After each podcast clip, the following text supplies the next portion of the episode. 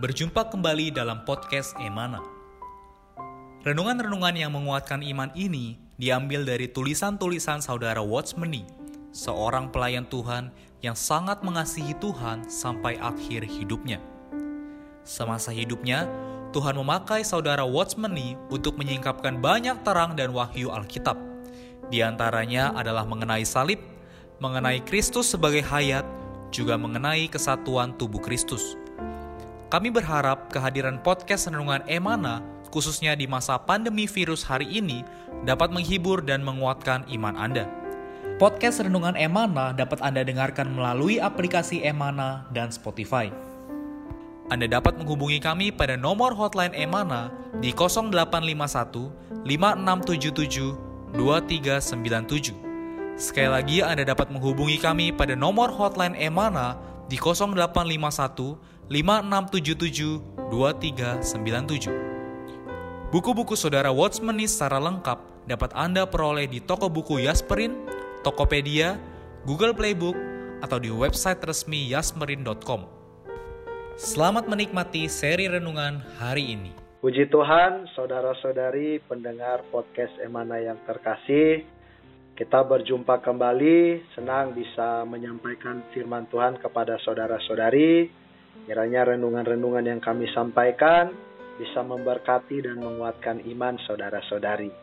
Amin. Hari ini uh, di dalam porsi persekutuan kita hari ini saya ditemani oleh Saudara Puji. Halo Saudara Puji, apa kabar? Amin, puji Tuhan. Amin. Ya, masih dalam penjagaan Tuhan ya. Terima Amin. kasih. Puji Tuhan. Uh, bisa melayani saudara-saudari kembali. Amin. Amin. Puji Tuhan. Baik Kak eh, Saudara Puji, terima kasih sudah uh, berbagian. Saudara-saudari sekalian, uh, kita akan melanjutkan pembahasan kita masih dari buku mengenai uh, pembinaan dasar pisahkan diri dari dunia. Hari ini khususnya kita akan membahas mengenai lima aspek ya, lima aspek dalam hal apa saja kita perlu terpisah dari dunia. Nah, khusus hari ini kita akan membahas dua poin terlebih dahulu. Nanti tiga poin yang lainnya akan dibahas di waktu-waktu mendatang.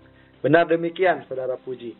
Ya, benar. Kita akan membahas uh, dua poin ya, atau dua hal bagaimana kita terpisah dari dunia. Saudara harus juga melanjutkan mendengarkan podcast besok hari untuk kita bisa tahu ya sama-sama kelanjutannya lengkapnya bagaimana. Amin. Amin. Puji Tuhan. Baik saudara-saudari, uh, mungkin saya sedikit mengulang. Uh, di porsi yang kemarin kita telah membahas mengenai uh, perkara kita memisahkan diri dari dunia itu adalah berdasarkan pada fakta bahwa kita telah dibeli dan telah ditebus oleh darah Tuhan. Nah, kemarin dikasih ilustrasi bahwa sama seperti kita membeli barang, kalau kita sudah membayar, maka barang tersebut harus berpindah tangan ya dari penjualnya kepada pembeli. Nah, dengan demikian kita telah dibeli dengan darah Tuhan, karena itu sebenarnya adalah satu keharusan bagi kita untuk memisahkan diri dari dunia. Puji Tuhan, hari ini kita akan melanjutkan melihat aspek-aspek apa saja yang perlu bagi kita untuk terlepas darinya. Saya akan terlebih dahulu membacakan ayat yang akan menjadi dasar persekutuan kita hari ini, yaitu di dalam Galatia pasal 6 ayat 14. Saya bacakan bagi kita, dikatakan, tetapi aku sekali-kali tidak mau bermegah selain dalam salib Tuhan kita Yesus Kristus. Sebab olehnya dunia telah disalibkan bagiku dan aku bagi dunia. Men, saudara puji mungkin dari ayat ini boleh memberikan sedikit perkataan sebelum nanti kita memasuki uh, porsi renungan hari ini. Amin. Amin. Baik, jadi uh, Galatia pasal 6 ayat 14 ya uh, membicarakan satu perikop bahwa uh, ini adalah satu hal yang Tuhan juga sudah kerjakan di atas kayu salib. Uh, jadi di atas kayu salib Tuhan tidak hanya membasuh dosa-dosa uh, kita, dia tidak hanya menebus kita, ya membeli kita dengan darahnya yang mahal, tetapi seseri di atas kayu salib Tuhan juga sudah menyalibkan dunia. Amin. Ya, uh, dia juga membawa kita ya ikut di dalam salib Kristus kita ini ikut disalibkan ya. Nah, ikut disalibkan akhir uh, artinya kita sudah mati ya bagi dunia. Saudara-saudari, jadi seolah-olah uh, salib ini menjadi batasan ya menjadi batasan di antara kita dengan dunia. Amin. Uh, di antara uh, uh, di antara ruang lingkup Kristus ya, di sana ada batas yaitu salib. Di antara ruang lingkup dunia di sana ada batas yaitu salib. Saudara-saudari dulunya kita adalah orang-orang yang termasuk di dalam uh, dunia, orang-orang dunia, ya kan? Tetapi saudara-saudari, sejak kita amin, menerima Tuhan, ya kita disatukan di, di dalam salib Kristus. Saudari, sejak saat itulah kita terpisah dari dunia ini. Amin. Nah, sebagai seorang Kristen yang sudah dilahirkan kembali, kita perlu melihat perkara ini. Artinya bahwa saudari kita tidak ada jalan kembali, ya. Kita tidak ada jalan balik. Ya, karena kita sudah ada bersama-sama dengan Kristus di dalam salib Kristus. Amin. Ya, uh, karena itu kita tidak bisa kembali lagi menempuh kehidupan kita yang lama. Ya, kalau kita melihat di hari-hari sebelumnya kita ada satu uh, lambang ya Bani Israel bahwa apa? Setelah melalui Laut Merah, ya Bani Israel ini tidak tidak lagi bisa kembali ke Mesir, saudara-saudari. Nah, Laut Merah ini juga uh, bisa dikatakan ini adalah penebusan Kristus atau salib Kristus atau lambang baptisan yang di dalamnya kita juga di dalam Roma pasal 6 kita mati bersama Tuhan dan kita bangkit bersama Tuhan. Jadi begitu kita menyeberang ya, kita tidak punya jalan untuk kembali lagi. Amin. Jadi hari ini, amin, kita bukanlah orang-orang dunia ya, kita bukan orang-orang yang duniawi, saudara-saudari. Oh, uh, ruang lingkup kita hari ini adalah ruang lingkup surgawi, ya. Di, kita ada masuk ke dalam kerajaan Kristus, ya, kerajaan surga. Saudari, uh, kita ada di dalam Tuhan, kita bukan lagi di dalam dunia. Jadi Amen. kita perlu melupakan, ya.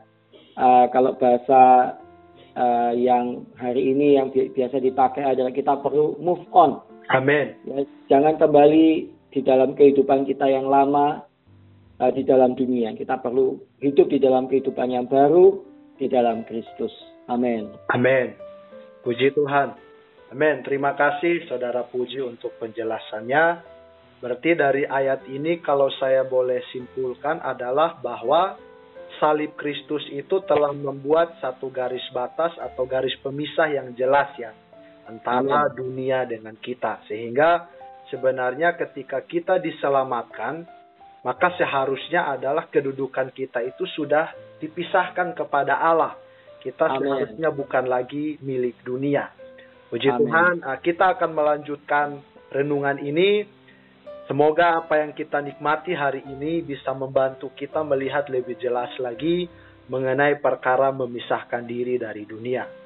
Saya akan membacakan uh, kutipan di sini, lalu saudara Puji akan membantu kita untuk melihat lebih dalam lagi mengenai perkara ini. Amin. Di sini dikatakan bahwa kita harus mutlak terpisah dari dunia. Jangan takut orang lain mengatakan kita adalah orang yang aneh. Namun, tentu kita harus mempertahankan kerukunan dengan orang dunia, bukan sengaja berselisih dengan orang lain baik di rumah, di sekolah, di kantor, maupun di mana saja. Aku harus menjadi orang yang tidak bermasalah dengan orang lain. Sekarang kita akan melihat bahwa kita perlu terpisah dari dunia dalam lima hal.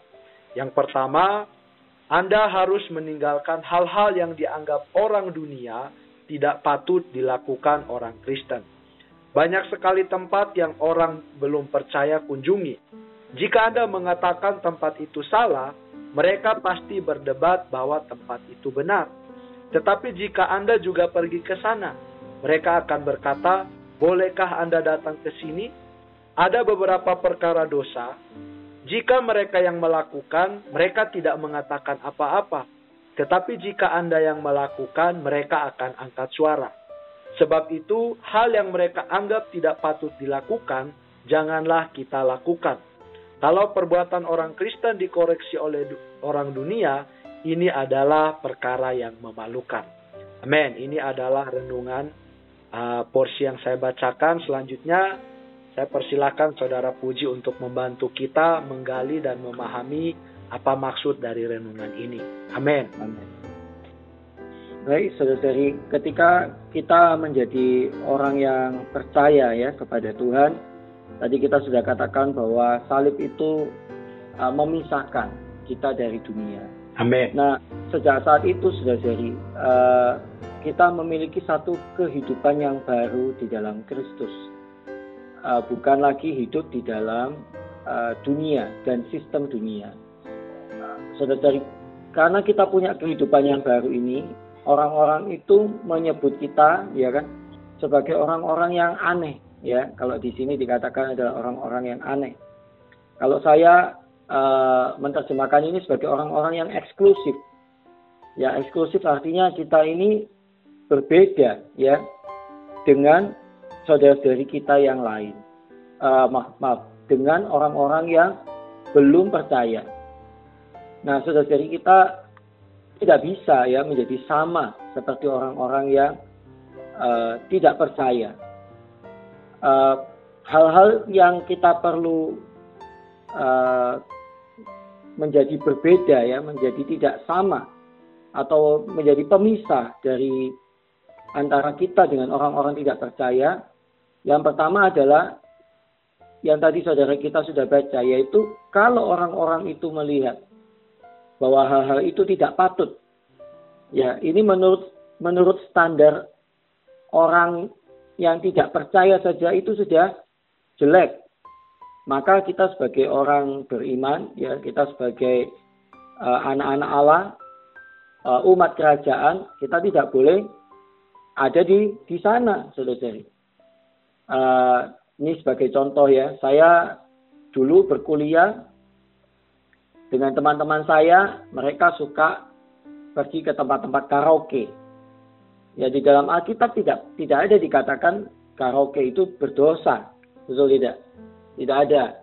Tetapi sejari begitu saya ikut ke teman-teman uh, bersama dengan teman-teman saya ya ke tempat karaoke, lalu mereka bertanya, lo orang Kristen boleh karaoke juga ya? Wah, saat itulah apa? Saya mengalami ya hal ini. Saudara, ada satu ada tempat-tempat ya yang ketika kita sudah percaya Tuhan kita tidak bisa lagi datangi saudara dari tempat tersebut. Ya, saudara dari saya pikir saudara lebih tahu ya. Uh, kita ketika kita masuk ke sana, ketika kita atau perkara-perkara ketika kita melakukan hal itu, orang-orang akan mempertanyakan. Oh, orang Kristen boleh demikian juga ya, saudara. Uh, misalkan perilaku-perilaku. Dalam hal ini ada contohnya adalah uh, seperti ketika Abraham berbohong ya mengatakan bahwa uh, istrinya itu adalah saudara perempuannya. Nah, uh, didapat ketika didapati bahwa Abraham ini berbohong, ya kan? Lalu apa sebenarnya dia ini dipermalukan ya kalau orang dunia berbohong mungkin bisa ya memang bohong itu wajar lah ya tetapi kalau orang Kristen berbohong wah langsung orang mengatakan oh orang Kristen bisa bohong juga ya nah jadi jadi kalau dunia itu sudah menilainya itu sebagai hal yang negatif ya jangan sampai kita melakukan itu kalau dunia sudah memiliki penilaian bahwa tempat itu tidak pantas ya. Bahkan untuk standar orang-orang yang belum percaya Tuhan. Berarti kita tidak selayaknya ada di sana. Kalau pakaian-pakaian ya yang orang-orang dunia saja anggap itu tidak pantas. Maka saudara-saudari kita sebagai orang-orang percaya kita juga tidak patut ya uh, uh, tidak tidak lagi bisa memakai pakaian-pakaian tersebut. Nah ini bukan bukan syarat keselamatan, tetapi ini justru adalah uh, apa kuasa keselamatan yang membuat kita berbeda dari orang-orang dunia kebanyakan hari ini. Amin. Amin. Puji Tuhan, terima kasih Saudara Puji atas penjelasannya. Nah, berarti bisa kita simpulkan bahwa hal pertama ya dari lima hal yang harus kita darinya kita dipisahkan. Hal yang pertama adalah hal-hal yang menurut anggapan orang dunia atau menurut pandangan orang dunia tidak pantas dilakukan oleh seorang Kristen. Jadi Amen. ini bukan perkara benar atau salah, tetapi ini adalah mungkin boleh kita katakan bahwa ini juga adalah masalah kesaksian kita. Ya, orang dunia memandang itu tidak pantas, ya berarti kita tidak boleh lakukan. Amin. Baik. Uh, kita akan lanjutkan persekutuan kita. Saya akan membacakan kutipan di sini, lalu kembali Saudara Puji akan menjelaskan bagi kita. Amin. Hal yang kedua adalah Segala perkara yang membuat hubungan antara Anda dengan Tuhan tidak baik pun harus ditinggalkan. Kita harus sadar bahwa mengikuti Yesus orang Nazaret haruslah bersedia dipermalukan, bukan mendapat kemuliaan, tetapi harus siap memikul salib. Seorang beriman perlu nampak bahwa keadaan Tuhan adalah keadaannya. Banyak orang bertanya, dengan melakukan ini apakah aku menjamah dunia? Bolehkah mengerjakan hal itu? Asalkan Anda datang ke hadapan Tuhan, Anda pasti mengerti. Asalkan Anda mengajukan satu pertanyaan. Dalam hal ini, bagaimana hubunganku dengan Tuhan di bumi? Asalkan hubungan Anda dengan orang dunia sama dengan hubungan Tuhan dengan orang dunia, semuanya pasti beres. Jika kedudukan Anda dengan kedudukan Tuhan tidak sama, itu pasti salah. Anak domba telah tersembelih. Kita adalah orang-orang yang mengikuti anak domba. Ke mana saja ia pergi, kita mengikutinya. Amin. Puji Tuhan, uh, saya persilahkan kepada Saudara Puji untuk membantu kita memahami apa yang dimaksud di dalam renungan ini. Amin. Amin. Uh, saudari, saya sebelumnya juga ingin membacakan beberapa ayat Alkitab ya mengenai topik ini ya. E, di 1 Yohanes pasal 3 ayat 13 ini ayat yang singkat. Di sana dikatakan, janganlah kamu heran saudara-saudara apabila dunia membenci kamu. Ya. Nah, saudara-saudari, dunia membenci Allah kita ya. Bagaimana uh, dunia memperlakukan Tuhan, demikian juga dunia akan memperlakukan kita, ya anak-anak Allah, ya saudara-saudara Tuhan Yesus hari ini. Uh, saudari, kita tidak bisa lagi ya melaku, melakukan ya kita tidak bisa lagi uh, berkompromi terhadap hal-hal yang sifatnya ada di dalam ruang lingkup dunia. Nah, saudara-saudari, uh, dan itu membuat kita itu dibenci oleh dunia. Ya, misalkan tadi ya saudara dari sistem dunia ini mentolerir, mentolerir apa? Kebohongan. Mentolerir kebohongan. Tetapi saudara-saudari, hati nurani kita tidak bisa mentolerir kebohongan. Bagi dunia, bohong itu ada dua macam. Ya, bohong yang apa putih dengan bohong yang hitam ya. Kalau bohong, bohong yang jelek ya jangan, tapi bohong untuk kebaikan ya tidak apa-apa. Tapi bagi kita orang Kristen, yang namanya dusta ya dusta. Kalau kita berdusta berarti kita menjadi apa? Uh, disebut sebagai anak-anak iblis. Karena iblis adalah bapak uh, orang yang berdusta. Ya. Uh, iblis adalah pendusta ya dari dari awalnya. Saudara-saudari, uh, karena hal ini kita menjadi dibenci oleh dunia. Uh, sama seperti Allah ya tidak tidak bisa ada di dalam ketidakadilan ya. Sama juga kita hari ini begitu kita uh, mempertahankan keadil benaran yang berasal dari Tuhan, membicarakan Injil ya. Hal itu dunia apa memulai menganiaya kita, mulai membenci kita. Ah, bagaimana Tuhan di atas muka bumi dia memberitakan, dia melayani. Kalau kita mau mengikuti Tuhan, kita memberitakan, kita melayani, kita langsung mengalami penganiayaan dunia. Tetapi memang demikianlah saudara-saudari. Ya, uh, kalau kita tidak melayani, maka hubungan kita dengan Tuhan yang akan renggang. Kalau kita tidak menginjil, maka hubungan kita dengan Tuhan yang akan menjadi jauh. Walaupun hubungan kita dengan saudara-saudari atau teman-teman kerja kita yang belum percaya Tuhan akan tetap dekat, tetapi hubungan kita dengan Tuhan akan renggang. Saudari, hari ini kita perlu lebih memperhatikan ya bagaimana hubungan kita dengan Tuhan. Ya, yang tadi adalah hubungan kita dengan manusia. Jangan sampai yang dinilai manusia jelek malah kita lakukan. Nah, hari ini kita juga perlu mempertimbangkan bagaimana hubungan kita dengan Tuhan. Ya kalau Tuhan menginginkan kita memberitakan Injil, ya kita memberitakan Injil walaupun karena pemberitaan Injil itu ya orang-orang mulai memandang kita uh, secara negatif ya. Kita terus berdiri di dalam kebenaran walaupun dunia hari ini ya uh, semua praktek-prakteknya itu tidak benar, bengkok, ya, tidak adil. Tetapi kita tidak bisa uh, bersama-sama dengan mereka. Kita perlu lebih memilih, amin, bagaimana sikap kita dengan Tuhan, menjaga hubungan kita dengan diri Tuhan. Amin. Saya rasa saya sampai di sini. Amin. Amin. Puji Tuhan, terima kasih. Amin. Saudara-saudari, uh, saudara Puji sudah menyampaikan bahwa Perkara yang kedua yang perlu kita tinggalkan yaitu adalah segala perkara atau segala hal yang bisa membuat hubungan kita dengan Tuhan terputus. Nah, saudara-saudari, hal-hal apa sajakah itu? Ya, untuk mengetahuinya kita perlu datang ke hadapan Tuhan dan bertanya ya. Amin. Dalam kutipan kita ini dikatakan bahwa kita harus mengajukan satu pertanyaan di hadapan Tuhan dalam hal ini bagaimanakah hubunganku dengan Tuhan di bumi. Jadi saudara-saudari, ya aspek yang kedua ini adalah berdasarkan pimpinan Tuhan di dalam kita.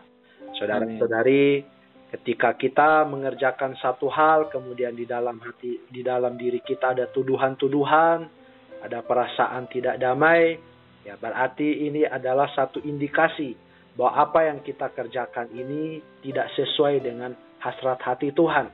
Nah, terhadap perkara ini kita harus belajar untuk membereskan.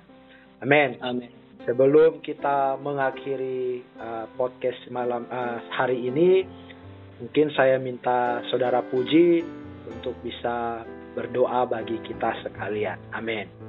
Amin. Mari saudari kita sama-sama berdoa. Amin. Tuhan Yesus, terima kasih Tuhan. Tuhan di atas kayu salib, Tuhan kami sudah bersatu dengan Engkau ya Tuhan. Kami sudah disalibkan dengan dunia dan oh Tuhan dunia sudah mati bagi kami Tuhan. Oh Tuhan, hari ini kami hidup di dalam satu kehidupan yang baru di dalam Kristus, bukan lagi di dalam dunia. Tuhan karena itu berikanlah kami satu pandangan yang jelas. Tuhan, bahwa kami tidak bisa kembali menempuh kehidupan kami yang lama.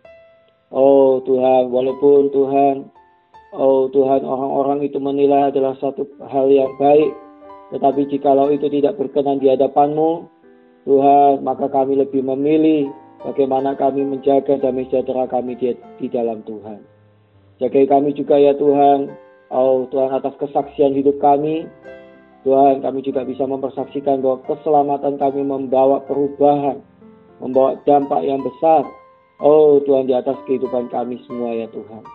Tuhan jadikan kami orang-orang percaya. Tuhan sebagai orang-orang yang terpisah dari dunia. Tuhan, oh menang dari dunia Tuhan. Tuhan menang dari Tuhan belenggu dunia. Dari sistem dunia yang mengikat kami. Lalu kami bisa melayani Tuhan, kami bisa mengasihi Tuhan. Di dalam namamu Tuhan, kami berdoa dan mengucap syukur dalam nama Tuhan Yesus. Amin. Amin. Puji Tuhan, terima kasih Saudara Puji sudah bersekutu dengan kita hari ini. Tuhan berkati pelayanannya. Bagi saudara-saudari pendengar podcast Emana ini kami juga berharap ya kami juga terus berdoa semoga berita-berita dan firman yang disampaikan bisa memberkati dan menguatkan iman saudara-saudari sekalian. Puji Tuhan, Tuhan memberkati kita semua. Amin. Sekian podcast Renungan Emana hari ini.